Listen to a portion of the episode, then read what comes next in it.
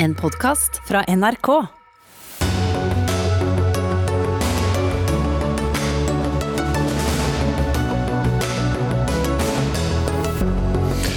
Senterpartiet vender SV ettertrykkelig ryggen før sitt eget landsmøte og høstens stortingsvalg.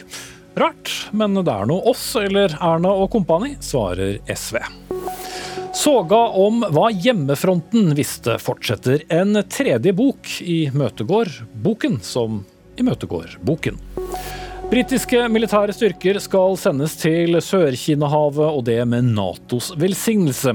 Er det lurt? Nei, mener to forskere som kommer til Dagsnytt 18. Og løslatelsen av drapsdømte Viggo Kristiansen er noe av det mest overdramatiserte jeg noen gang har sett av direkte nyhetsdekning, sier kommentator i Adresseavisen, og møter NRK til debatt. Da sier vi god kveld og velkommen til torsdagens Dagsnytt 18. Jeg heter Espen Aas.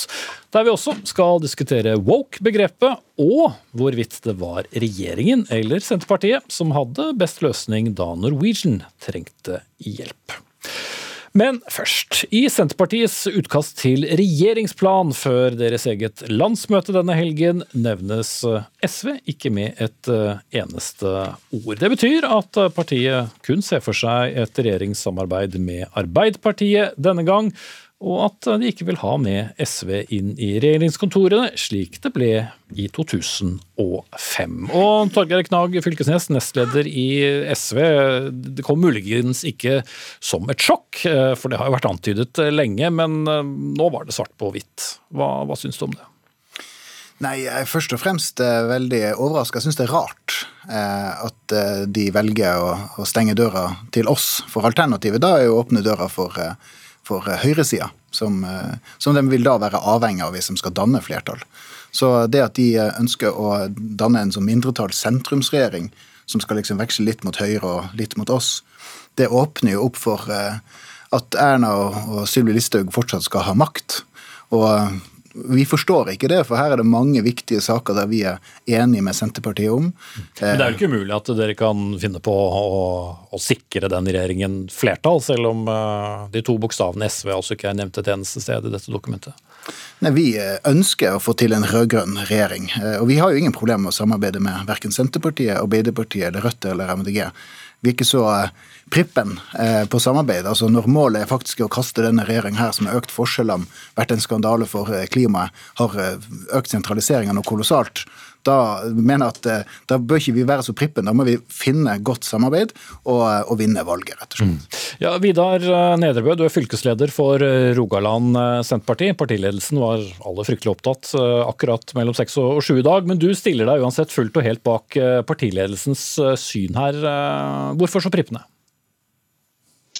Ja, jeg syns det er en veldig god eh, resolusjon som er blitt lagt ut. Og en regjering for hele Norge, det er jo det vi trenger. Og en regjering som lytter og vil utvikle hele Norge, det er det landet vil ha. Og det tror jeg òg eh, Fylkesnes òg er enig i.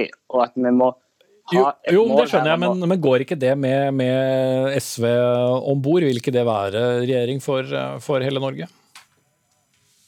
Ja, Senterpartiets landsmøte kommer til å gå til valg på eh, Senterparti-Ap-basert regjering. Så det tror vi vil være den beste plattformen for eh, denne regjeringa. Så, så syns jeg jo at det er spesielt at en truer med Høyre. Nå, vi vet jo at i mange saker så vil jo kanskje det være SV som er det første partiet vi søker um, samarbeid med fra sak til sak. For det, å ha disse her, ha gode diskusjonene i Stortinget, det tror jeg er bare positivt. Så jeg er ikke redd for om det blir en mindretallsregjering, men det kan òg bli en flertallsregjering med Senterpartiet S og Ap. Ja, men ikke med, med SV. Men bare for å rydde opp litt for velgerne her, uh, Nedrebø. Uh, for det er sikkert mange, mange, som lurer på hva dere mener dere risikerer med å skulle ha med SV uh, denne gang. Altså, hva, hva, er det Senterpartiets velgere risikerer da, hvis de skulle vært med i et regjeringssamarbeid? Det kan være lurt å se litt tilbake til 2005, forrige gang det rød-grønne alternativet ble lansert. Um, og da Da hadde Senterpartiet og SV omtrent 15% alene, mens Arbeiderpartiet var omtrent dobbelt så stort som det til sammen. Det er en helt annen dynamikk nå, så jeg, jeg tror ikke det er Vi må se litt på disse her tingene òg. Og det viktigste for Senterpartiet er uansett å få gjennomslag for mest av våre saker. Og det er det politiske eh, Det er jo programmet vårt som er det som styrer. Og vi tror at vi har mest mulighet til få gjennom vårt politiske program hvis vi går inn i en Senterparti-Ap-regjering. Og Det tror jeg våre velgere òg ser at det er det mest fornuftige. Mm. Færre, færre, kompromisser med dere, Fylkesnes, men, men de må jo ha, ha, støtte. Ser du for deg at en koalisjon av Senterpartiet og Arbeiderpartiet fort kan forsøke å finne støtte til Høyre? Eh, det vil de jo åpenbart gjøre. Det er jo hele poenget med en eh, mindretallssentrumsregjering. Det er at de skal kunne veksle der de føler behov for det. Eh, og Når jeg lytter til innlegget her, så er det jo Ok, Hvilke saker er det da Senterpartiet vil samarbeide med SV om? Vil man samarbeide med SV om, om distriktspolitikken? Eller vil de gå til høyresida? Vil de samarbeide med SV om jordbrukspolitikken, der vi har mange berøringspunkter, eller vil de gå til høyresida? Vil de eh, være enige med oss om å stoppe den tvangssammenslåing av fylkene? Eh, for politireformen, er de enige med oss der, eller vil de gå til, vil, de gå til høyresida? Det vi ser, altså I dag eh, har vi hatt flere saker i Stortinget der vi har samarbeidet tett med Senterpartiet. Det er omfattende samarbeid i dag. Jeg vil faktisk si at det er enda større enn det tidligere har vært. Og da er, det, da det er så rart, og jeg tror det er veldig mange som bor i Distrikts-Norge og rundt omkring i, i, Norge som har blitt mobilisert av Senterpartiet siden engasjement, som lurer på hvorfor all verden samarbeider de da ikke med det partiet som står dem nærmest i veldig viktige saker. Mm. Ja, er det da symbolsaker som, som klima og, og abort osv. som vil være vanskelig, Nedrebø? Jeg er helt, helt enig med at i, i saker der det er snakk om å løfte de svake grupper, altså løfte de med lågt og middels inntekt, så, så, vil jo SV være første partiet vi snur oss til for å få flertall. Det vil òg være riktig, sånn som ble nevnt her, at det, når det går på å omgjøre disse her tvangsreformene som eh, regjeringa har drevet på med de siste år, så er jo eh, flertallet sikra med SV. Og eh, jeg tror, jeg tror SV maler litt fanden på veggen her. Jeg tror ikke de skal være så redde, for de, kan òg få mye gjennomslag med ei Senterparti-Ap-basert regjering. Mm. Men uh, sitter det langt inne å eventuelt skulle velte en Sp-Ap-koalisjon uh, her da, Fylkesnes? Nei, altså Hvis ikke vi blir med i regjering, så er vi jo opposisjon. Eh, og da kan, eh, hvis vi ikke får gjennomslag for veldig viktige saker for oss, ja, da, da, stemmer vi det vi er for. Og derfor, da, altså Hvis det fører til at det velter regjeringa, så, så, vil det være konsekvensen. Så dette tror jeg nok at uh, man kanskje uh, gjør opp regning uten vert her. For uh, Det er akkurat som at man later som at man har flertall, men det finnes ingen meningsmåling der Senterpartiet og Arbeiderpartiet har flertall alene. De er helt, helt avhengig av oss. Uh, og da må, du, da, da må, man forholde seg til, til SV, uh, og ikke uh, stenge oss ute. Eh, så, eh, og da er det dermed alternativet her dukker opp. Er det fordi at man ønsker å åpne opp for andre løsninger, som er jo hele poenget med en mindretallsregjering. 44% på poll og polls, riktignok, men fortsatt eh, da eh, ikke, ikke halvparten. Da sier vi takk til politikerne. Torgeir Knag Fylkesnes fra SV, der du er nestleder, og Vidar Nedrebø, som er fylkesleder i Rogaland Senterparti. Men dette er jo det siste landsmøtet denne sesongen og blir fulgt nøye med på. Berit Aalborg, politisk redaktør i Vårt Land, du har skrevet om dette i egen avis i dag. Overskriften var 'Derfor sier Trygve nei'. Hva er svaret? Nei, jeg tror det er veldig viktig å, å, å se på hvilken velgere som har gjort Trygve Slagsvold Vedum stor. Og ganske mange av de velgerne kommer rett og slett fra Fremskrittspartiet og Høyre. Og, og det er nok sånn at han innser at mange av disse velgerne eh, vil ikke være så fornøyd hvis Senterpartiet er klistra opp til SV. Så det er nok en viktig grunn til det her. Og så er det en ting til, og det er det at Senterpartiet og Arbeiderpartiet er blitt mer jevnstore. Og da tenker de nok at vippepunktet mellom Senterpartiet og Arbeiderpartiet At de kan liksom maktvippe mellom disse to. Og at, eh, at SV på en måte da blir et fløyparti på andre sida som gjør at Senterpartiet vil få litt mindre makt. Så det er nok, mange, det er nok flere ting her. Men jeg tror dette med velgerne fra høyresida er veldig viktig. Mm. Magnus Akvam, eh, politisk kommentator her i NRK. Du er på Lillehammer og skal følge dette landsmøtet. Men kommer eh, SVs eventuelle regjeringsdeltakelse til egentlig å bli noen sak på dette landsmøtet, eller er det noe de helst ikke vil snakke om?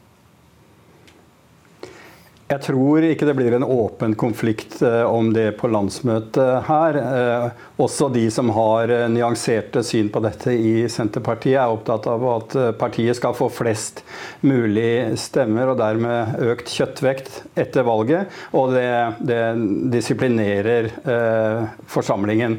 Så jeg tror den resolusjonen som, som ble lagt fram, er et slags skal vi si, minste felles uh, multiplum, så, multiplum som de, de, aller fleste strømninger i partiet, eller alle strømninger, kan samle seg om. Mm. Men uh, Berit Aalborg, hvor, hvor, mange og sterke skillelinjer går innad i, i Senterpartiet? Det er jo deler av Senterpartiet som syns det fungerte helt utmerket i åtte år òg? Absolutt, og du har en stor fløy som ønsker det. Men så har du også denne ofte kalt for da Borten Moe-fløyen på den andre sida, som er en veldig borgerlig fløy, som delvis holder til i, i uh, Trøndelag. Ikke kanskje tilfeldig at vi hadde en fylkesleder med fra Rogaland, litt der. Og de ønsker å flytte partiet tilbake, men jeg tror ikke de vil få gjennomslag nå. Men, men du har disse fløyene på hver sin side av Trygve Slagsvold Vedum, som drar i begge retninger. Så jeg deler analysen til Magnus Takvam om at hvis han har denne resolusjonen, så kan på en måte begge, begge fløyer være litt fornøyd. Og så tar de kampen når de vinner valget til høsten, og da tror jeg vi kan se en del interne diskusjoner, altså. Mm.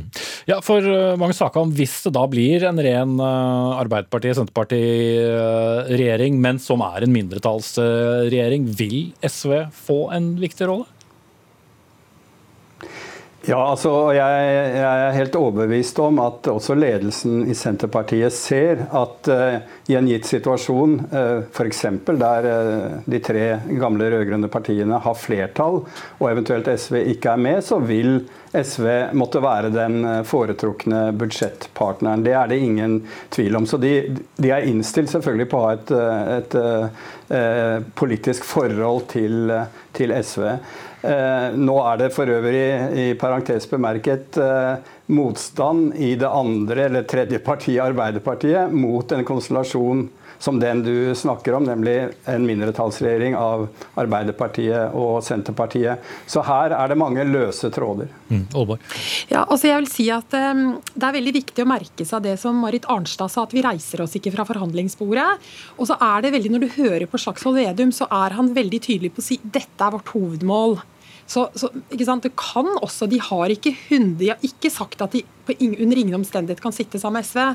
Sånn at, For det vil også være farlig å, å smelle igjen uh, den døren totalt? Så de er liksom lure i måten de omtaler dette på, og de sier at hva de vil, men ikke 100% at ikke SV kommer til å være med. Så jeg tror at vi skal se denne eventuelle rød-grønne regjeringa før vi, vi, tør å spå hva den kommer til å ende opp med å bli. Mm.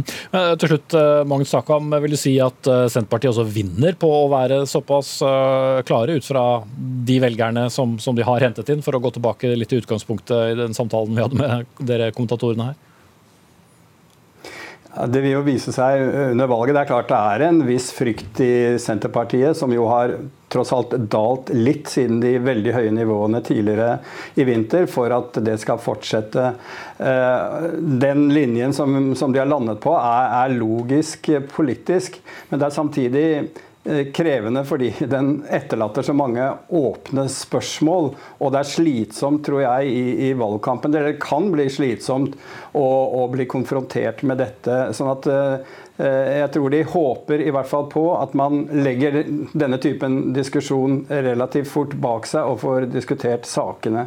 Jeg for øvrig, altså, jeg tror heller ikke, som Berit Aalborg antyder, at det er en reell eh, innflytelsesrik fløy i Senterpartiet som har som strategi å hoppe over til høyresiden etter hvert. Det er miljøer som tenker slik, men min vurdering er at når de nå sier Arbeiderpartiet, Senterpartiet, så er det også en beskjed fra Trygve Slagsvold Vedum, som, er den som har eh, på en måte den strategiske ledelsen her, at de hører til på den siden av politikken, og ikke på, på høyresiden. Mm. Over tre måneder igjen til det skal stemmes. Takk til Magnus Takvam, politisk kommentator i NRK med fra Lillehammer, og Berit Aalborg, politisk redaktør i Vårt Land, her i studio.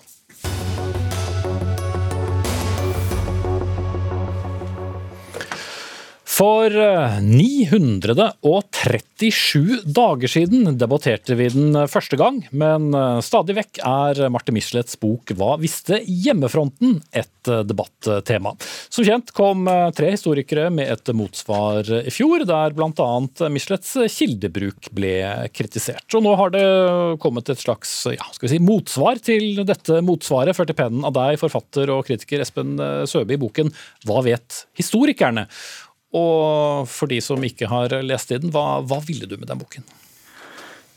Ja, jeg ville at eh, det ikke skulle ta slutt med den boka som eh, Berggren har vært med på å skrive, men at eh, det var nødvendig at diskusjonen gikk videre. Fordi det var noe viktig ved Martin Michelets bok, selve hovedperspektivet, som går ut på å undersøke den norske bistanden til naziokkupantenes eh, jødeforfølgelser høsten 42, og undersøke de uh, grundig. Uh, det er et viktig prosjekt. Det har vært et viktig prosjekt lenge før Marte Michelet. Det er ikke hun som har funnet på det. Det har vært en linje så å si fra 1945. Men hvor vi da selvfølgelig vet mer og mer. Men uh, hvis du skal ta denne rapport uh, fra en gjennomgang av Hva visste hjemmefronten, som er skrevet av Elise Berggren, Bjarte Bruland og Mats Tangestuen, hva, hva, er problematisk med den, da, siden du velger å bruke såpass mye tid på den i en egen bok? Ja, ja det problematiske er uh, at hoved, altså at den um, går igjennom uh, på en veldig nærsynt måte og finner en rekke feil og unøyaktigheter. Men på tross av de feilene og unøyaktighetene som de mener å kunne påpeke, så er jeg av den oppfatning at Michelets hovedprosjekt er verdt å støtte. Og det er, det er, det er altså en linje i norsk okkupasjonsforskning som har eksistert lenge, og som kommer til å eksistere lenge. Og jeg oppfatter jo også at Berggren, Bruland og Tangestuen egentlig tilhører den linja. Altså de tilhører ikke den patriotiske eller uh, nasjonsbyggende um, okkupasjonsforskningen. Mm.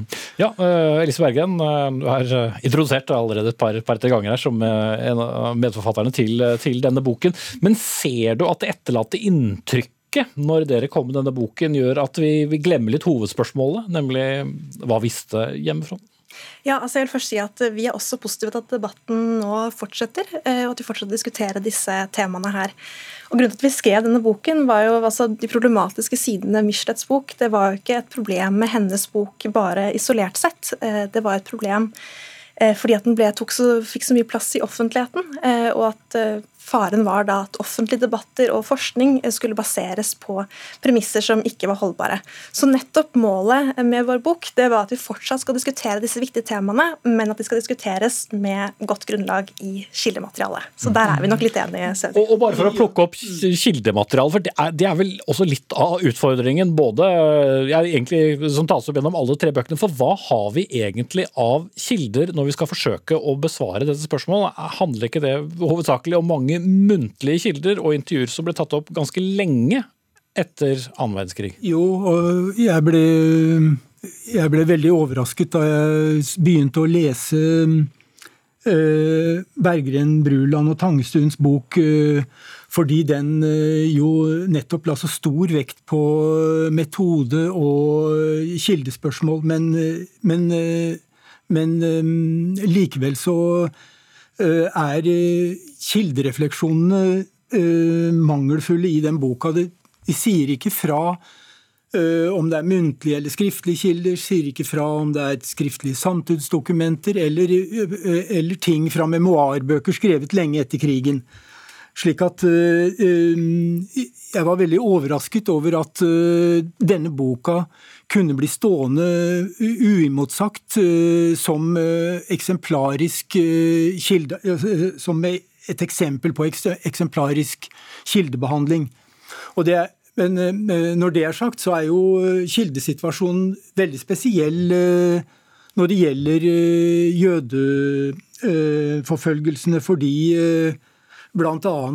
Alt som har med flukt å gjøre, så er jo kildematerialet veldig spinkelt og veldig skjevt på flere måter.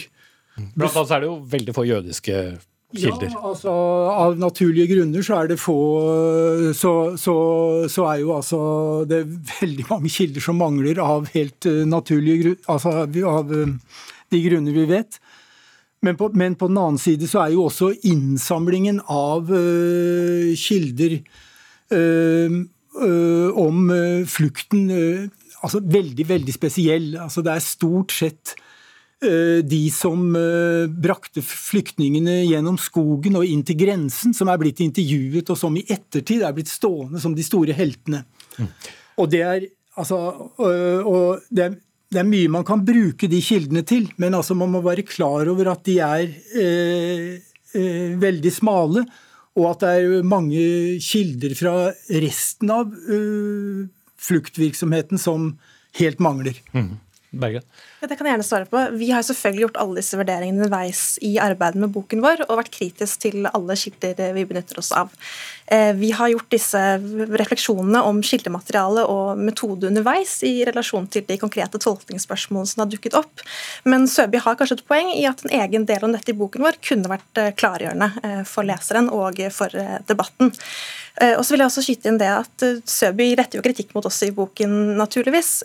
Men hvis man ser litt bort en, fra en tidvis spiss tone i, i, boken, så er vi enige om, om mye. Og Søby sier seg jo også delvis enig i at det er mangler i Michelets bok. Og hva som står igjen fra, fra Søbys bok, er jo nettopp det at, at, den viser at vår bok den tåler en kritisk gjennomgang, og den, våre konklusjoner står seg i en kritisk gjennomgang. Mm. Uh, Søby, er du også kritisk nok mot Michels bok? Som du selv påpeker i egen bok, så har jo ja. du også en spesiell tilknytning til, til hennes ja. bok, også som, som, juryleder da hun fikk uh, pris osv.? Absolutt. Altså, min, min bok er uh, altså, en bok om en bok om en bok, ja. men den er også en reportasje om hva som skjedde etter at uh, Michelets bok uh, kom ut med altså noen glimt fra det store seminaret som var i desember 2018. Og den, og den tar også opp min involvering i den diskusjonen. Og at jeg har vært med på å gi Michelets bok en pris og skrevet forord i den, pocketutgaven. Sånn at jeg, jeg legger fram Eh, mine preferanser. Eh, og, og, hvilken tradisjon jeg står i eh, i dette spørsmålet. Det, det, er, det er, også noe Og det, og det si, det, det, har ikke vært så lett, altså, fordi vi, vi, vi, vi kan alle gjøre feil. Men spørsmålet Nå renner tiden fort der. Det er et spennende tema som engasjerer veldig mye. Men hvor går vi igjen herfra, da? Blir enda et motsvar fra dere? Bergen? Nei, nå tenker jeg at nå har vi påpekt disse, disse manglene. Og det er jo nettopp denne boken også et, en mulighet for å diskutere disse større spørsmålene, viktige spørsmålene, og nå med et bedre grunnlag i, i kildematerialet. Der tenker jeg at vi går eh, derfra. Ok, vi får sette strek der. Takk til Elise Berggren og Espen Søby, begge forfattere.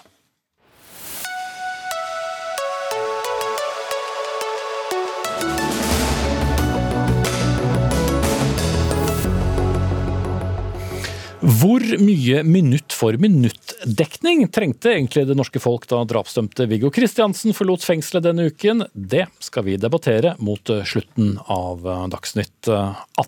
Men nå skal vi utenriks, fordi Nato og Storbritannia ble i går enige om å sende britiske krigsskip til Sør-Kina-havet.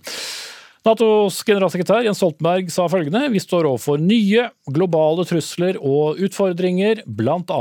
Kinas økende makt. Fra før av har amerikanerne mye militær aktivitet i området, og meningen er at også britenes bidrag skal bli en mer permanent tilstedeværelse. Og Kjersti Strømmen, vår Asia-korrespondent med oss eh, direkte, hvordan reagerer Kina på denne mye mer offensive tilstedeværelsen fra, fra Nato i Sør-Kina-havet?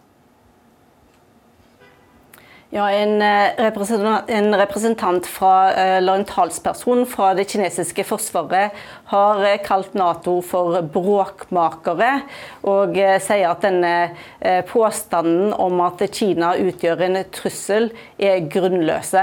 Og de sier at når land fra fjerne breddegrader sender sine krigsskip til et område tusen, mange tusen kilometer lenger borte, og for å vise muskler, så er det de som øker spenningen.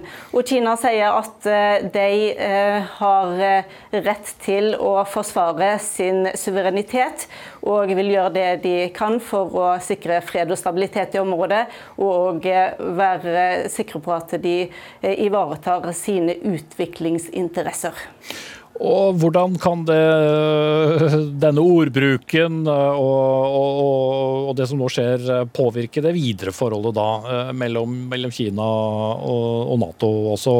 Både USA og Storbritannia. Tonen har jo vært ganske spisset også når det gjelder eh, Hongkong, vet vi, med britene.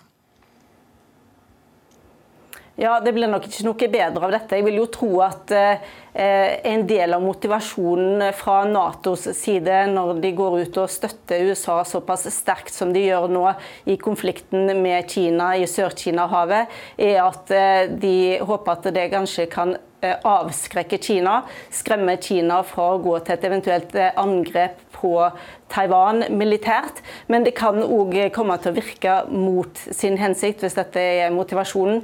Fordi at eh, Kina, eh, For Kina er Taiwan ekstremt viktig. og Hvis eh, de opplever at det er såpass mange land som støtter opp om USAs forsøk på å hindre en skal si, innlemming av Taiwan i moderlandet, så kan Kina komme til å reagere på en måte som fremskynder en sånn aksjon. altså at de går til angrep på Taiwan, selv om de kanskje ikke hadde tenkt å gjøre det, eh, eller iallfall ikke på dette tidspunktet.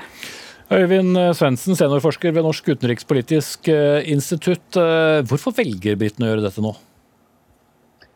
Det er sikkert en sammensatt forklaring på det, men jeg tror ikke vi skal kimse at dette skipet er jo et prestisjeprosjekt for britene som har pågått i mange år. Nå er det klart. og når man først har et hangarskip, hvorfor skal man ikke bruke det? Så, så omverdenen bør ha kunnet forvente at dette skipet blir satt i drift når det faktisk er ferdig og utstyrt med fly som kan benyttes. Men det, er flere ting. Altså, dette er Global Britain i praksis. Britene har ridd bølgen med EU og den prosessen med å forlate EU på lovnaden om et Global Britain, et åpent, orientert Storbritannia som skal finne en ny rolle for seg selv i verden. Og, inn, inn, i det kommer jo dette at man skal ha en mye mer klar tilstedeværelse. Um, og så er det også vurderingen av Kina. Altså, Storbritannias strategiske dokumenter er mye tydeligere enn f.eks. de norske på at eh, Kina er en eh, økende og voksende makt i internasjonal politikk. Det kommer til å være uh, sentralt, et sentralt område for uh, internasjonal politikk i årene som kommer. Og Kina er en konkurrent. Sånn at, eh, og det gjelder Én ting er innenfor handel og den type ting, hvor Kina på en måte er med på mange av de kapitalistiske strukturene, men man er mer bekymra for trusselen Kinas vekst utgjør overfor den liberale verdensorden. Mm. Uh, og Her er jo håndheving av internasjonal rett i Sør-Kina-havet en av de sentrale tingene. Øystein Tønsjø, du er professor ved Institutt for forsvarsstudier ved Forsvarets høgskole. Er det en klok beslutning? nei. Jeg tror eh, britene gjør det mer klokt i å prioritere sine egne nærområder. På lang sikt, i hvert fall. Um, som en kollega sa til meg tidligere i dag, seile i sin egen sjø. Um, Britene er ikke i en posisjon til å være en global maktfaktor. Uh, og ja, de sender et signal med å seile til Sør-Kina-havet om noen uker. Men de sender også et signal når de seiler hjem igjen. Uh, og og det, det, forstår Kina, det forstår landene i regionen. Sånn at britene spiller ikke noe avgjørende rolle i maktbalansen i Øst-Asia.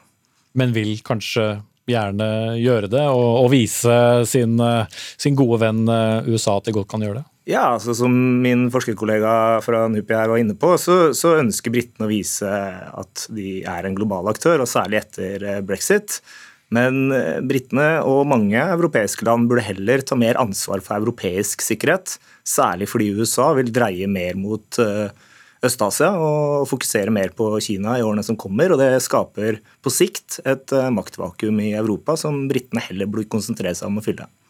Men uh, Svendsen, kan det også uh, få betydning for andre Nato-land, f.eks. oss selv? Som jo har uh, forsøkt å gjøre noe med et noe betent forhold til Kina over lang tid?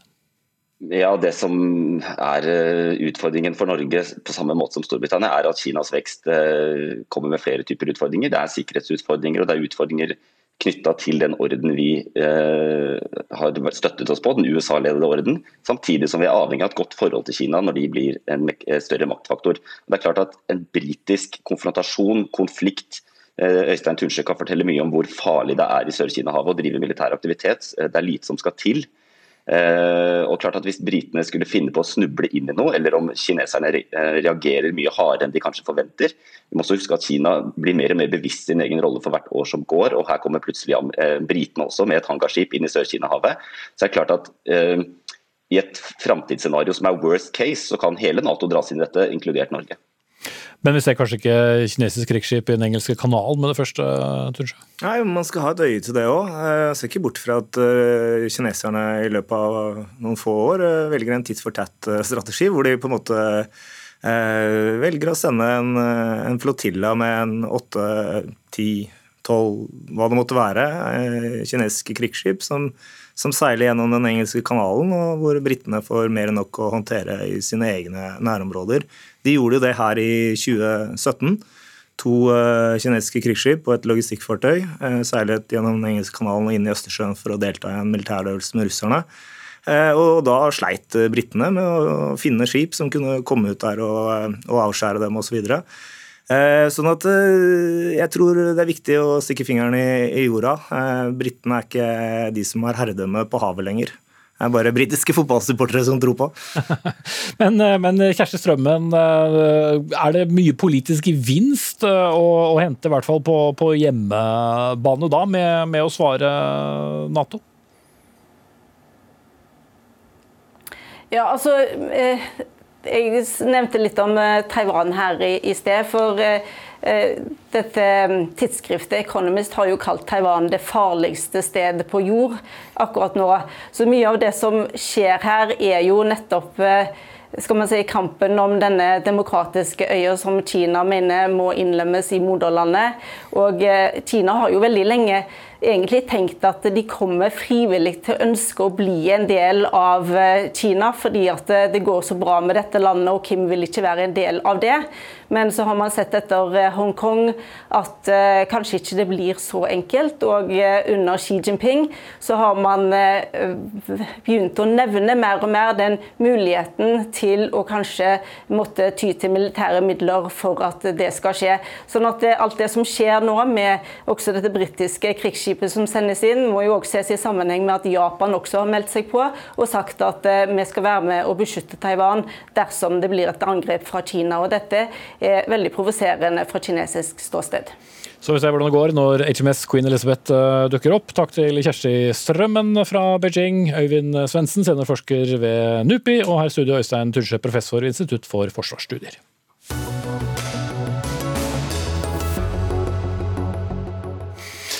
Da skal vi eh, diskutere woke, vi. Woke, ja. Det å være våken og på vakt mot det man mener er krenkende, diskriminerende eller stereotypiserende. Og det, det er ingen liten debatt, så vi får se hva vi får unnagjort på våre tilmålte minutter. Men dersom wokeness og identitetspolitikk blir en dominerende kraft i samfunnet, ja da ser det mørkt ut for det liberale demokratiet, kunne vi lese på nettstedet Minerva. Du var forfatter for det hele, Erik Løkke, rådgiver i denne liberale tankesmien Civita. Hva er det du frykter? Problemet med woke, som du er riktig inne på, er et, et, begrep som ikke er det aller beste, er jo måten de eh, opererer på, og særlig det som de ønsker med å bryte ned det liberale samfunnet. Altså, en virkelighetsforståelse blant eh, sentrale eh, woke-premissleverandører er jo at Vesten er rasistisk. Det er grunnleggende, altså dette begrepet strukturell rasisme. Eh, og jeg har ikke noe problem med at de ønsker å bekjempe rasisme, det er måten dette skjer på. Vi kan jo daglig lese i engelsktalende medier om hvordan woke-bevegelsen går etter bestemte personer for nærmest detaljer. Vi har jo hatt JK Rowling-debatten. Det er en del av en veldig sånn illiberal og autoritær måte å tilnærme seg den offentlige debatten på, eh, og det syns jeg er veldig negativt. Men er det ikke samtidig også noen som stiller spørsmål med den historien som, som seierherren skrev? da? Det er absolutt grunn til å diskutere disse spørsmålene om eh, rasisme. For selv om eh, de vestlige samfunnene og Norge antageligvis er blant de samfunnene med minst rasisme i historien, så er vi ikke kvitt det. Så jeg er absolutt ikke imot at vi skal diskutere det. Det er mer måten det skjer på i denne eh, woke-bevegelsen. Og Hvis man f.eks. ser til USA, som har en veldig annerledes historie og debatt enn Norge, så er det nærmest som man slår fast at hvite i seg sjøl er rasistiske. Og benekter du det, ja, da er det et tegn på at du er rasistisk rasistisk. Og det er ikke en veldig fruktbar måte å tilnærme seg disse veldig viktige spørsmålene. Mm. Lisa Isoel Knutsen, du er rådgiver da i, Minotenk og har svart uh, Løkke med en kommentar i, i, Aftenposten, som har fått uh, svar igjen, og skriver at nå som vi befinner oss i en tid med fokus på sosial rettferdighet og, og likeverd, så, så, bør vi nettopp holde oss våkne, da, som dette begrepet egentlig handler om. Men legger du noe annet i våk-begrepet enn Røkke? Altså For det første så, så, tenker jeg at det er jo litt vanskelig å, å, skulle svare på dette når man Når det er en veldig udefinert eh, og veldig bred eh, bevegelse som mange, man kan si er liksom sammensatt av flere bevegelser. Eh, men hvis man tar i utgangspunktet i på en måte den antirasistiske bevegelsen, så oppfatter jeg at det å være måte være bevisst og være våken på på, på en måte hvordan de ideene som, som bl.a. ble til under opplysningstiden, og når man på en måte liksom, Disse eh, idealene med det liberale demokratiet på en måte ble innført, så, så hadde man på samme tid så drev man med raseforskning, så drev man med kjøp og salg av mennesker. sånn at det som jeg er litt sånn opptatt av, det er jo å snakke om at ikke alltid disse idealene sammenfaller med virkeligheten, den sosiale virkeligheten, eh, som mange kjenner på. Um, så du mener også, årvåkenheten i seg selv er det viktige, men så har det jo fått sine utslag i ja, alt med å fjerne statuer uh, og i den Eh, i det ønsket da, om å, å, å, å skrive om seierherrenes uh, historie, så det er jo gjerne her det begynner å tilspisse seg. Altså, jeg opplever jo det som at man eh, som sagt prøver å sette et kritisk blikk på noen av disse tingene. Og så handler det veldig mye om hvilke saker mediene velger å, å på en måte eh, fokusere på, sånn som statuer og, og sym, mer sånn symbolske ting. Det er jo viktig, det også, men jeg tenker at målet her er jo å på en måte ja, være bevisste, men også liksom selvfølgelig få et samfunn der vi faktisk oppfyller disse idealene med at alle mennesker er like mye verdt, uh, og, og, dette med at uh, liksom, rasismen uh, ikke skal, skal påvirke livene til, til, så mange som de gjør i dag. Mm. Men, vi, vi trenger jo absolutt en debatt om disse spørsmålene som Lisa tar opp. Eh, mitt problem er at eh, jeg syns ikke det er det woke-bevegelsen og sentrale premissleverandører innenfor denne bevegelsen gjør. Ta ett eksempel, og det er så mange av det. Så hadde du en, eh, en velkjent journalist i New York Times, McNeil, som var på en tur og brukte da N-ordet. Skal jeg bruke det her? Bare for å spørre, for å klargjøre, eh, og fikk da eh, eh, beskjed om å trekke seg. Om han fikk sparken eller trekke seg. Det, det, kan man jo diskutere.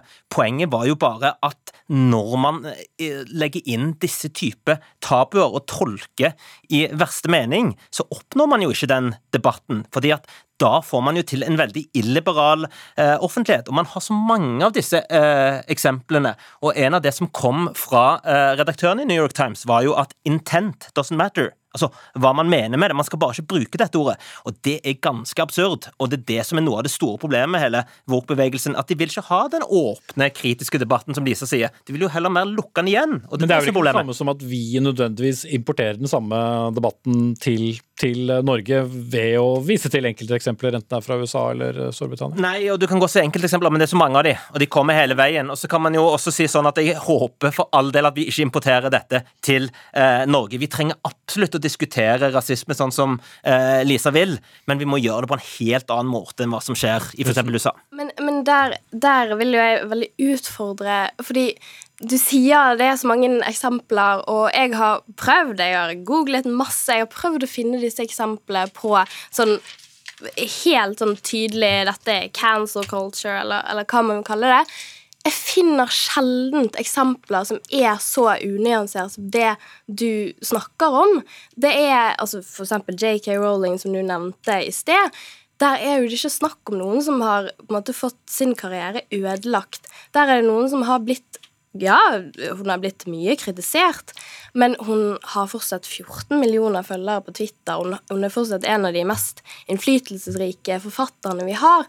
Så vi må, vi må, også skille litt det vi snakker om. Snakker vi om noen som har fått hard kritikk? Snakker vi om ansvarliggjøring, ansvarliggjøring sånn som man gjorde mye med hashtag metoo? Eh, men også når det kommer til rasisme, så er det liksom disse sosiale sanksjonene inne i bildet, som er en del av hele samfunnet vårt. Jeg vet ikke hvor lang tid vi har til å ramse opp masse eksempler her. Men...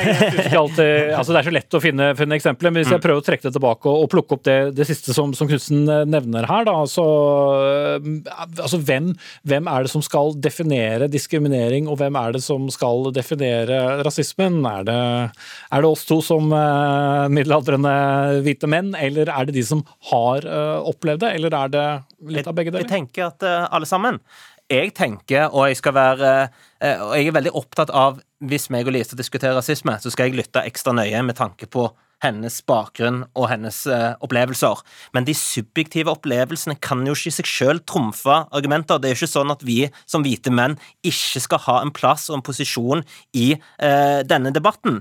Og det er det jeg veldig opplever fra deler av den antirasistiske bevegelsen, som sier at subjektive opplevelser trumfer uh, argumenter. Og går vi i den retningen, ja, da har vi et problem i den offentlige debatten. Men hvis vi går den andre veien og slipper til de stemmene som vi ikke har hørt tidligere, da er vi vel på rett vei? Ja, og gjerne det. Og jeg tenker jo at både NRK og mediene i Norge har jo en kjempeviktig oppgave å slippe fram ulike stemmer. Men det må jo også være stemmer eh, som gjerne ikke har den posisjonen på begge sider, da. Eh, og at man ikke låser seg fast i posisjoner som jeg igjen veldig opp, ofte opplever at den antirasistiske bevegelse gjør. Knudsen. Um, jeg tenker at uh, når det er snakk om hvem som uh, definerer hva, det, det er jo uh, veldig viktig. Um, men det er Man må også tenke på at disse, disse tingene er ekstremt komplekse, og, og når det kommer til eh, hvordan noen opplever rasisme Altså, jeg vil alltid ha en Altså, jeg, jeg, kommer til å heie på en samtale der vi alle snakker om rasisme, for det angår hele samfunnet. Eh, men den opplevelsen av å få sitt menneskeverd på en måte stilt spørsmål ved pga. sin hudfarge, det er noe som på en måte jeg kan kjenne på. Og for meg vil det alltid være en kamp som, som, eh, som må skje. Det, vi, vi, må kunne føle på et ubehag. Vi må kunne ofre eh, det å liksom tenke tenke to ganger før vi snakker. Um, mens for de som ikke opplever rasisme, så forstår jeg at dette ubehaget kan være litt vanskelig å ofre, og at eh, kampen kan virke litt, uh, litt uh, voldsom. Mm.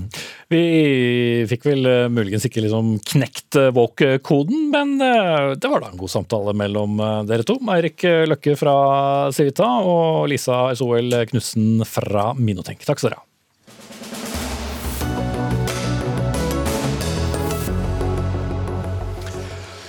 Det så jo lenge ut til å bli litt av en eh, buklanding, men eh, det gikk bra for flyselskapet Norwegian. I forrige uke ga selskapet beskjed om at de hadde hentet inn nok kapital og dermed kunne forlate konkursbeskyttelsen. Det skjedde etter en lang periode med mye usikkerhet, ikke minst når det gjaldt selvfølgelig økonomien. I november i fjor foreslo Senterpartiet at Norwegian skulle få en statlig redningspakke, men regjeringen sa nei. Og at selskapet nå er reddet, viser at det var riktig, skriver du i Dagens Næringsliv, næringsminister Iselin Nybø fra Venstre. Du valgte overskriften, eller i hvert fall var overskriften, populismens pris, men eh, det var vel en annen måte å si hva var det jeg sa på? Ja, det kan du si. Eh, jeg syns begge deler er ganske dekkende i denne saken. For eh, vi hadde en ganske tung runde i høst med luftfarten. Eh, og regjeringen valgte å si nei til en forespørsel som Norwegian kom med på, på flere milliarder kroner. Og det gjorde vi nettopp fordi at vi bruker fellesskapet sine penger, og vi bruker folk sine skattepenger. Og dette var et selskap med altfor høy gjeld. Det var kreditorene som eide selskapet. Det å gå inn med penger i det selskapet da ville vært først og fremst eh, en fordel for utenlandske eiere, og ikke for norske arbeidsplasser. Og nå står vi i en situasjon der selskapet har redusert gjelda si betraktelig. De har fått inn eh, kapital, de har fått inn strategiske eiere og er langt bedre rusta enn tidligere for å lykkes i framtida, og det sikrer norske arbeidsplasser. Ja, Geir Pollestad, stortingsrepresentant fra, fra, Senterpartiet. Var det, var det godt for alle oss skattebetalere at ikke dere fikk viljen deres? Jeg er veldig glad for at eh, Norwegian har greid å gjennomføre den planen som de har gjort. Samtidig er det viktig å si at når vi ville ha en, mente at regjeringa skulle gå i dialog og stille opp med, med, kapital, så skulle ikke det være å sende en sjekk. Det skulle jo være å stille eh, nettopp det å stille eh, krav. og jeg så dere mente egentlig det samme? Ja, Vi i Senterpartiet vil nok gjøre det samme om igjen hvis det oppstår en tilsvarende situasjon. Eh, og så er det en... Jo, det, det skjønte jeg ikke, for Sa du ikke egentlig at man skulle stille krav, men likevel så ville du gitt dem penger? Jo, men uh, for det første så vet vi altså, Nå finnes det et selskap som heter Norwegian. Uh, det kan være vi hadde berga flere arbeidsplasser, det kan være at vi hadde berga flere ruter til et annet Norwegian enn det vi nå får. Det vet vi jo ikke, men det var det vi ønsket at regjeringa skulle ta ansvar for det. Men forskjellen her er jo at da, jeg opplever at regjeringa har en sånn tilnærming til dette at hvis ikke selskap går konkurs, så har han lykkes. Vår tilnærming til pandemien har vært at vi skal kompensere for tap som selskapet har hatt som følge av pandemien. Og Det gjelder ikke bare Norwegian, det gjelder også SAS og det gjelder videre. Og for de selskapene der så er vi fortsatt utålmodige og vil ha på plass en kompensasjonsordning mm. for luftfarten. Men, men, men Nybø, det var vel også først og fremst Norwegian selv som uh, arbeidet seg gjennom uh, uføre, og ikke regjeringen? Absolutt. Eh, nå hører det noe med til historien at regjeringen virkelig har stilt opp for eh, Norwegian. Eh, tidlig under pandemien så satte vi inn en garantifasilitet som de trakk på, 3 milliarder kroner. Nå i denne... De satt litt slukøret til studio her også, husker jeg, fordi at dere ikke gjorde helt som de ønsket seg? Ja, ja. Og, og, og, og gjennom rekonstruksjonen nå så har vi òg gått inn med penger i et hybridlån. Så regjeringen har virkelig stilt opp for Norwegian. Men poenget mitt det er at Norwegian er nå et bedre rusta selskap som følge av det neiet i november enn det ville vært hvis vi hadde gått inn eh, med penger og latt det skure og gå fram til nå. Nå er det et selskap som forhåpentligvis har framtida foran seg, men de har tunge måneder òg eh, som ligger foran, for reiseaktiviteten er fortsatt ikke oppe der den var. Beste løsningen, Bollestad, eller? Det som jeg tror er viktigst nå, det er å få på plass en kompensasjonsordning som eh, kan gjelde både for Widerøe, for SAS og for Norwegian. fordi at her er det mange arbeidsplasser det er snakk om, og det handler om å ha et flytilbud i, for næringsliv og folk i hele landet og til og fra Norge. Det er viktig for reiselivet, det er viktig for næringslivet. Så, så vi er fortsatt utålmodige, og det er ingen tvil om at eh, luftfarten er blant de som har slitt mest som følge av eh, koronaen. og Det kan ikke være sånn at hvis et selskap ikke går konkurs, ja, da har han lykkes med næringspolitikken. så du vil ikke, du vil ikke gi henne helt den der Hva var det jeg sa? Nei, Den æren vil jeg gi til Norwegian og den jobben som de har eh, gjort, som er, er veldig bra. Eh, og Vi har jo hatt dialog med selskapet eh, underveis. og Jeg tror at ansatte i Norwegian har satt pris på at Senterpartiet har stått opp for norsk luftfart i den vanskelige situasjonen de har vært i. Men, men Iselin Nybø, er det også sånn at alle selskaper som ikke gikk konkurs under pandemien, også er regjeringens fortjeneste? Nei, altså Det har blitt gjort veldig mye godt arbeid i hele næringslivet gjennom denne eh, vanskelige tida som vi har bak oss. Det som er spesielt i luftfarten, det er at det er blant de hardest ramma bransjene eh, altså som følge av pandemien. Men allikevel så ser vi at flere flyselskaper kom, komité. Eh, vi har sett Wizz Air som prøvde å etablere seg her, men som nå har trukket seg ut. Vi har Flyr som har liksom varsla at de skal starte opp. Vi har dette North Atlantic eh, Airways, eller, eller hva de heter, som, som, skal starte opp. Så det viser at det er vilje, det viser at det er eh, privat kapital. Og da syns jeg at man skal være veldig tilbakeholden med å bruke skattebetalerne sine penger eh, til å betale kreditorer i utlandet eh, for et selskap som har altfor høy, all høy gjeld. Pålsa. Jo, men Prinsippet har jo vært at når pandemien har gjort at selskap har mistet inntekter, har mistet omsetning, så skal vi som storsamfunn kompensere. Og Det gjelder på alle andre områder enn akkurat luftfarten. Jeg syns jo at uh, Widerøe hadde fortjent uh, å hatt en sånn ordning. Det burde SAS hatt, og det burde Norwegian hatt. Sånn at uh, en, når, dette, når vi kan begynne å reise igjen, så har vi selskap som kan levere gode og billige flybilletter og mye rute i hele landet og til og fra Norge. Jeg vet du gjerne vil ta det også, Iselin Nybø, men siden jeg først har det her. Vi har jo meldt i NRK i dag at eh, Norge og Storbritannia har kommet til en enighet om en frihandelsavtale. Kan du bekrefte det og si hvordan denne fordelingen ble, ikke minst når det gjaldt landbruk og, og havbruk? Jeg òg har lest at NRK har eh, meldt om det i dag, med stor interesse. Men eh, du får ikke, får ikke meg utpå, så jeg eh, kommenterer når jeg har noe å si. Så vi har ikke kommet frem til en avtale? Ja, Det er lov å prøve seg, men uh, du får lese på NRK, se hva de skriver der. ok, jeg vet at du også sikkert følger nøye med på, på den uh, avtalen, uh, Polsa, ikke minst når det gjelder norsk landbruk. Vi kommer til å ta den debatten når vi kommer så langt, men nå skal jeg si takk til dere to. Iselin Nybø, næringsminister fra Venstre, og Geir Polstad, stortingsrepresentant fra Senterpartiet.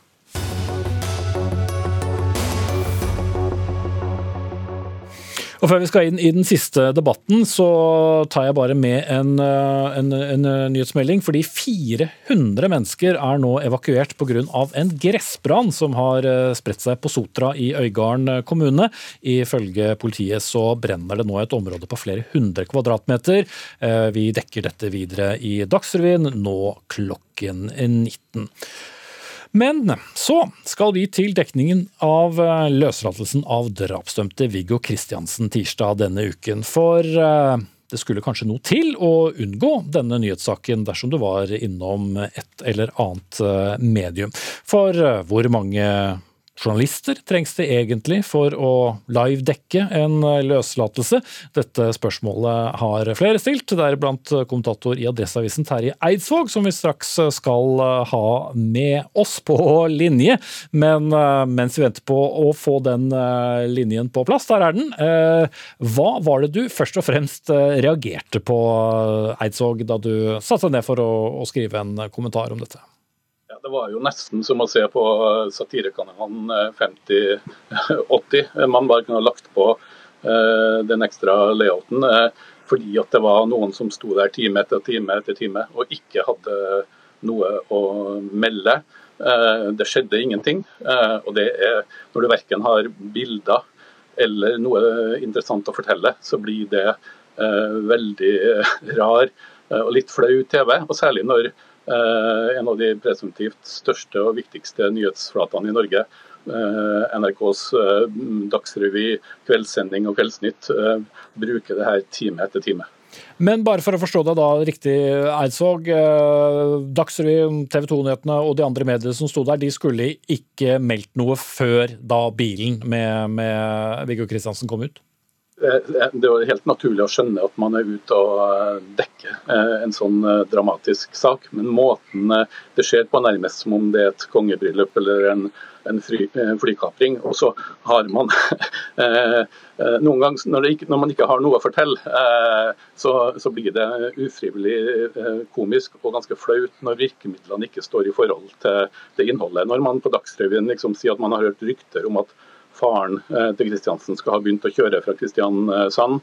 Eh, på Nynyhetene eh, går det og går det, og så kommer det opp at, at han visstnok skal kjøre inn hovedporten. Og på Kveldsnytt, hvor man har stått der i time etter en time, så viser det seg at han har rygga inn til en dør, og noen har båret inn bagasjen. Det er et sånn misforhold mellom eh, det innholdet. Eh, at man dekker saken, er jo lett å forstå. ok, Da tror jeg vi har poenget. Du skal få, skal få svar nå. Espen Olsen Langfeldt, du er jo redaktør her i, i nyhetsavdelingen i, i NRK. Ble det litt mye? Først og fremst så vil jeg si at det er full forståelse for at en så massiv dekning i en så vanskelig og tung sak som dette skaper reaksjoner. Det tok vi høyde for. Eh, og så prøver jo Eidsvåg her å skape et narrativ om at vi lagde et, et minutt for minutt-sending eh, av løslatelsen til, til Viggo Kristiansen. Det er jo ikke riktig. Men det var mye livedekning utenfor Ila fengsel ja. i, i mange nyhetssendinger, for ingen visste jo annet enn at han skulle bli kjørt ut derfra i løpet av kvelden. Det var, det å huske på uh, konteksten her, at det var del av en dekning hvor Høyesterett enstemmig besluttet på, på å løslate Viggo Kristiansen det eh, er med på å sette denne ja, dette nasjonale traumet i en ny fase. Og vi dekka den på, eh, på veldig mange aspekter og reaksjoner på det. Hvor altså det at vi også tok inn reporter som sto utenfor Ila, inn i vår dekning, det var en naturlig del av dekningen. Men så til det jeg egentlig spurte deg om, da. Eh, ble det litt mye? Jeg tror ikke at vår dekning isolert ble for mye. Det, vi diskuterte dette på forhånd, og, og, og jeg tror ikke det. Løslatelsen som sådan var et, en kriminalhistorisk nyhetshendelse. Eh, så kan man se da sånn samla sett på eh, eh, trykket totalt fra, fra mediene, eh, så eh, kan det godt være at det ble mye. og det det er en del av de vurderingene vi gjør når vi vekter nyheter. og hva vi gjør for, uh, Det må vi ta hensyn til. Mm. For Det, det vil Eidsvåg og andre har spurt om er som, hva, hva, er nyhetsverdien av å stå på, på Dagsrevyen eller andre nyhetssendinger da, og, og, fortelle om noe som ikke har skjedd? Nei, Den er ganske stor, men selv vi i NRK vet ikke nøyaktig når nyheter skjer. Så Det betyr at vi må være til stede uh, der. Uh, sørge for at vi er til stede der når det skjer. Så, det ville jo vært kjedelig Eidsvåg om, eh, om nyhetsmediene da skulle komme med, med bildene etter at bilen hadde reist? Selvfølgelig må eh, NRK og nyhetsmediene være der når det skjer. Men det eh, spørsmålet er hvor mye man skal sende. De fleste nyheter og journalistikk handler også om å redigere og sette ting i perspektiv. Eh, og, og, man trenger ikke alltid å, å trykke researchen eller kladden eller ventinga. Eh, det kan funke på eh, juleribba minutt for minutt, men i den saken her eh, så blir det eh, også gitt innholdet i saken. Eh, jeg har ikke kritisert at NRK var der, eh, på ingen måte, men det var eh, dekninga. Man snakker jo ofte om politikerforakt, men for meg er det ganske viktig å påpeke at eh, vi i mediene må også unngå å skape medieforakt. og Det tyder mange av de reaksjonene som jeg har fått eh, på den dekninga her, at den saken her og dekninga og NRK ikke alene, og dem er tilfeldigvis fulgt denne kvelden. Eh, men eh, vi må passe på at vi ikke, at vi ikke skaper medieforakt gjennom måten vi dekker store og eh, helt åpenbart oppsiktsvekkende nyheter på, som det her var. Og Det er jo ofte en vanlig kritikk som NRK og andre får, at vi, vi dekker ting, ting, for bredt. Frykter, eller tar man det inn i avgjørelsen om det kan ende opp i en slags medieforakt? Selvfølgelig, og spesielt i en sånn sak som dette, så skal vi holde øret tett inntil skinnegangen for å se på hva slags reaksjoner dette medfører. Eh, men jeg syns bare Eidsvåg er litt urettferdig i kritikken at han tar denne live-rapporteringen som Gila som det eneste eksempel. Denne saken er så mye mer enn det, og det har vi eh, vist gjennom vår dekning. Ja, men, det, men, herfra ut da, Eidsvåg, er det sånn nå, nå skal vi være ferdig med den til da eh, saken eventuelt får en ny runde? På, på, ingen måte. Den gode dokumentarserien som vel Discovery sendte nettopp om eh, hele sakskomplekset, retter jo ganske stor kritikk både mot politiet og mot media. Og En av kritikken som rettes mot media, er jo at vi ofte og for ofte løper i flokk. Eh, og her Når man så fotografene og journalistene løpe etter den der bilen eh, i den her eh, minutt for minutt-rapporteringa, så ble det for meg et greit, bilde på at det er noen gode poeng der. Selvsagt, vi bør heller, Det handler ikke om at vi ikke skal dekke den saken, her, men det handler om måten det gjøres på. og særlig den gjort på uka her. Og, og personifiseringen er Langfjell av Viggo Kristiansen selv. Vi har sett å forlate fengselet, vi har sågar sett uh, marsipankaken han ble servert uh, hjemme, og bildene med, med familien. Hvordan uh, Er dette noe som publikum ønsket seg? Jeg tror det var relevant å, å dokumentere og vise hvordan eh, han tok den gjenkomsten til Kristiansand, og ikke minst også at støttegruppa hans fortalte om hva, eh, hvordan han ville oppføre seg i Kristiansand i tida framover. For det tror jeg er et spørsmål som lokalbefolkningen i Kristiansand er veldig opptatt av. Eh, og det fikk vi jo svar på. Og så er det jo En annen årsak til vår tilstedeværelse det er jo det at vi har fremdeles ikke hørt direkte fra Viggo Kristiansen hans reaksjon på det som har skjedd, og det som har skjedd i rettsapparatet. Eh, på, eh, vi har bare hørt det via andre, og det er jo fremdeles interessant. Så det venter du og andre på? Ja. Ok, jeg setter uh, strek der. Ikke fordi jeg ikke ville hørt hva du hadde å si til det også, Terje Eidsvåg, kommentator i Adresseavisen, men jeg så på klokken. Så da sier jeg uh, takk til deg, og takk til Espen Olsen Langfeldt, redaktør her i nyhetsavdelingen i NRK. Det var Dag Dørum som hadde satt sammen innholdet i denne sendingen sammen med resten av redaksjonen. Teknisk ansvarlig Helje Svensson. Jeg heter Espen Aas. I morgen er Sverre Tom Radøy her med rykende fersk sending. Takk for nå.